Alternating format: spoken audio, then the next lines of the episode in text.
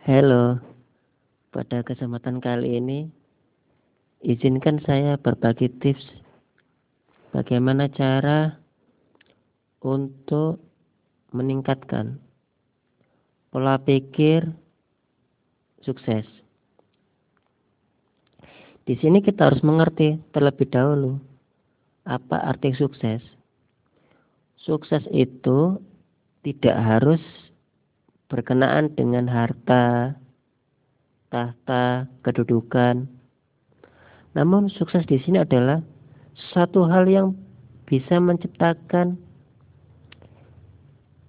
sinergi positif ke pikiran yang tenang dan hati yang tenang.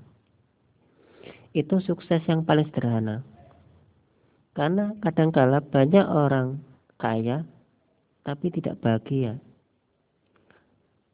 banyak orang putus asa ketika mereka di puncak kesuksesan, namun akhirnya mereka jadi gila karena tidak mengerti kesuksesan itu letaknya di mana.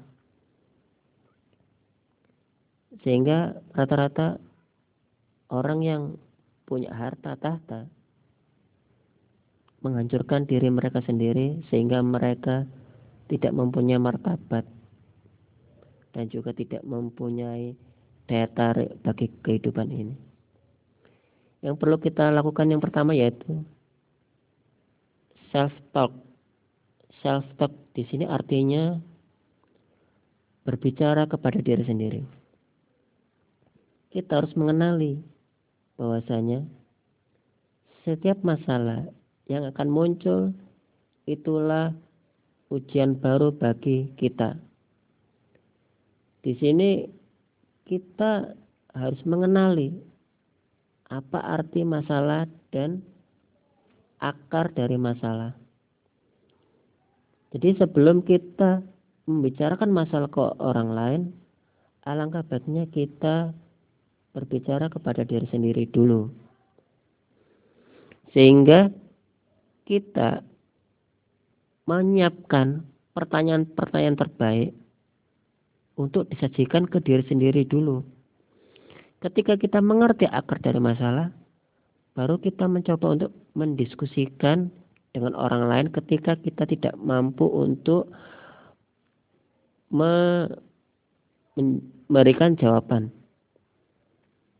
Jadi kita harus mengenali dulu kejelasan. Karena kejelasan itu hal yang paling penting. Ketika kita ketika kita mengetahui kejelasan dari sebuah masalah, di situlah kita akan menyiapkan sebuah konsep. Jadi konsep di sini adalah bertujuan untuk menciptakan kreativitas dan juga energi positif. Karena dengan kejelasan kita akan mengetahui ke mana kita harus melangkah. Dan akhirnya kita akan menghindari kritikan tajam atau menghindari keraguan-raguan pada diri kita. Karena kritikan tajam dan keraguan-raguan itu bisa mematikan semangat kita dan juga mematikan kreativitas kita. Jadi kita harus pahami dulu berbicara pada diri sendiri apa arti masalah. Jadi kita harus mencoba memberikan nutrisi baru ke otak. Jangan sampai otak kita menerima hal-hal yang negatif yang diciptakan oleh diri kita sendiri. Jadi itu self talk itu adalah elemen yang pertama. Elemen yang kedua yaitu kita harus mempunyai niat yang tulus. Ketika kita memiliki niat yang tulus, di situlah kita akan tahu ke mana kita harus melangkah. Niat adalah suatu jalan yang disiapkan untuk kita berjalan di atasnya. Ketika kita mengetahui niat kita menuju ke mana, di situlah kita akan melangkah. Jangan sampai niat itu mengarah ke hal yang negatif.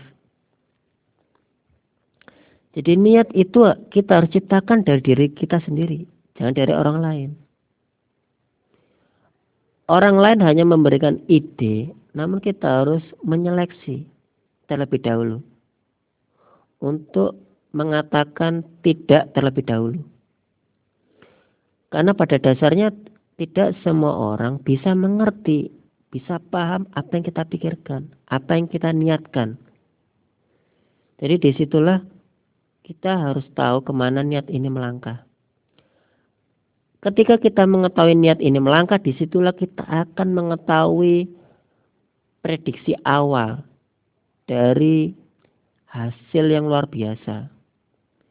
Karena hasil tercipta karena langkah-langkah kita yang positif dan itu semua berkenan dari niat.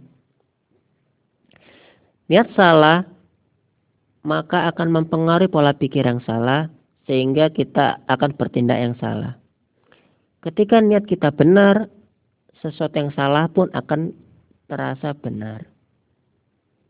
Itu elemen yang kedua. Elemen yang ketiga yaitu kita harus punya jiwa idealisme yang digunakan untuk membuat keputusan. Memang keputusan itu tidak selalu mengarah ke hasil. Namun dengan sebuah keputusan kita bisa membentengi diri dari perkataan-perkataan yang tadinya tidak berguna kemudian bisa menjadi bermanfaat ketika kita mengetahui kapan kita harus menciptakan sebuah keputusan. Memang keputusan akan beranggapan ke resiko. Namun di sisi, lain, resiko itu akan menciptakan sebuah opini baru. Sehingga kita akan jauh lebih kuat dalam mengatur sebuah prioritas. Ketika kita mampu menciptakan sebuah, sebuah prioritas, di situlah kita akan membuat keputusan. Mana keputusan yang sangat penting, atau mana keputusan yang tidak terlalu penting. Jadi kita harus membintangi, mengasih tanda mana keputusan yang sangat penting, keputusan yang penting dan keputusan yang bisa ditunda. Ketika kita menginginkan sebuah keberhasilan besar, kita harus menjadwal apa saja yang harus kita, saya lakukan mulai pagi hari hingga malam hari. Kita tulis. Di situlah kita akan mulai membenahi diri. Apa saja pola pikir kita yang salah, atau apa saja pola pikir kita yang sudah punya nilai berkualitas. Jadi semua hal yang berkualitas dimulai dari pertanyaan. Orang yang berkualitas dengan orang yang tidak berkualitas itu perbedaannya tidak ketika mereka membuat sebuah pertanyaan. Ketika mereka orang yang berkualitas itu pertanyaannya selalu how and why orang berkualit orang yang tidak berkualitas mereka akan mencari sebuah alasan dengan cara what, who, when, where. Sehingga akhirnya mereka memutuskan rantai kebiasaan yang menghubungkan mereka dengan impian mereka. Lalu elemen yang keempat, kita harus bisa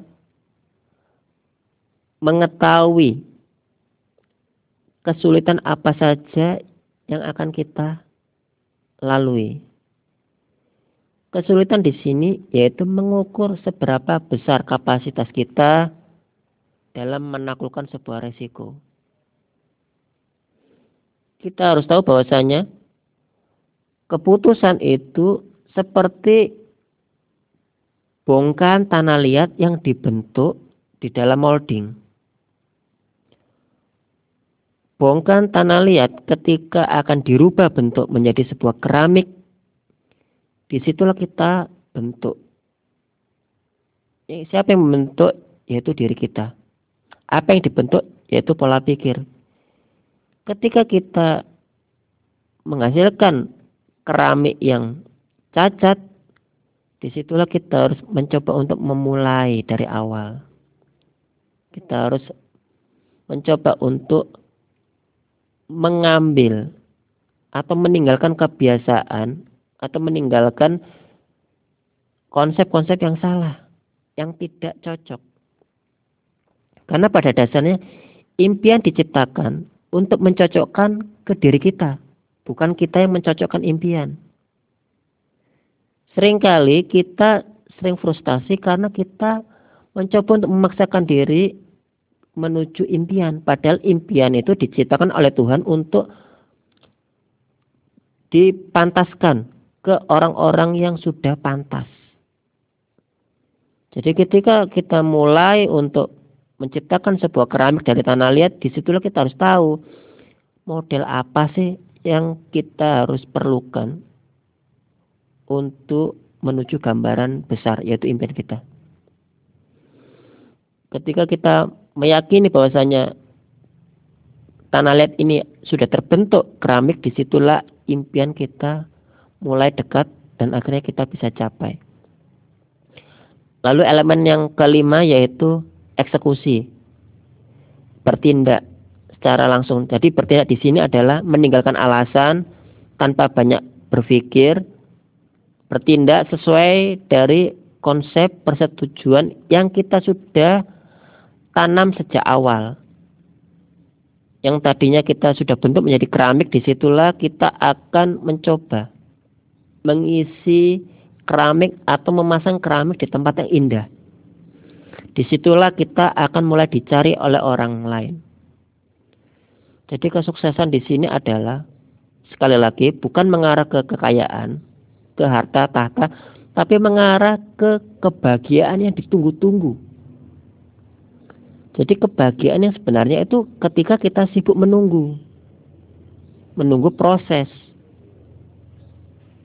Dan ketika proses menuju keberhasilan, menuju hasil, maka hasil tidak akan mengkhianati proses. Sehingga di situlah kita akan menikmati hasil dari orang-orang yang berusaha menaikkan level atau taraf kehidupan kita menuju gambaran yang mapan. Jadi itu lima elemen yang kita perlukan untuk membentuk pola pikir yang sukses. Semoga materi yang saya yang saya bawakan bermanfaat dan selamat mencoba.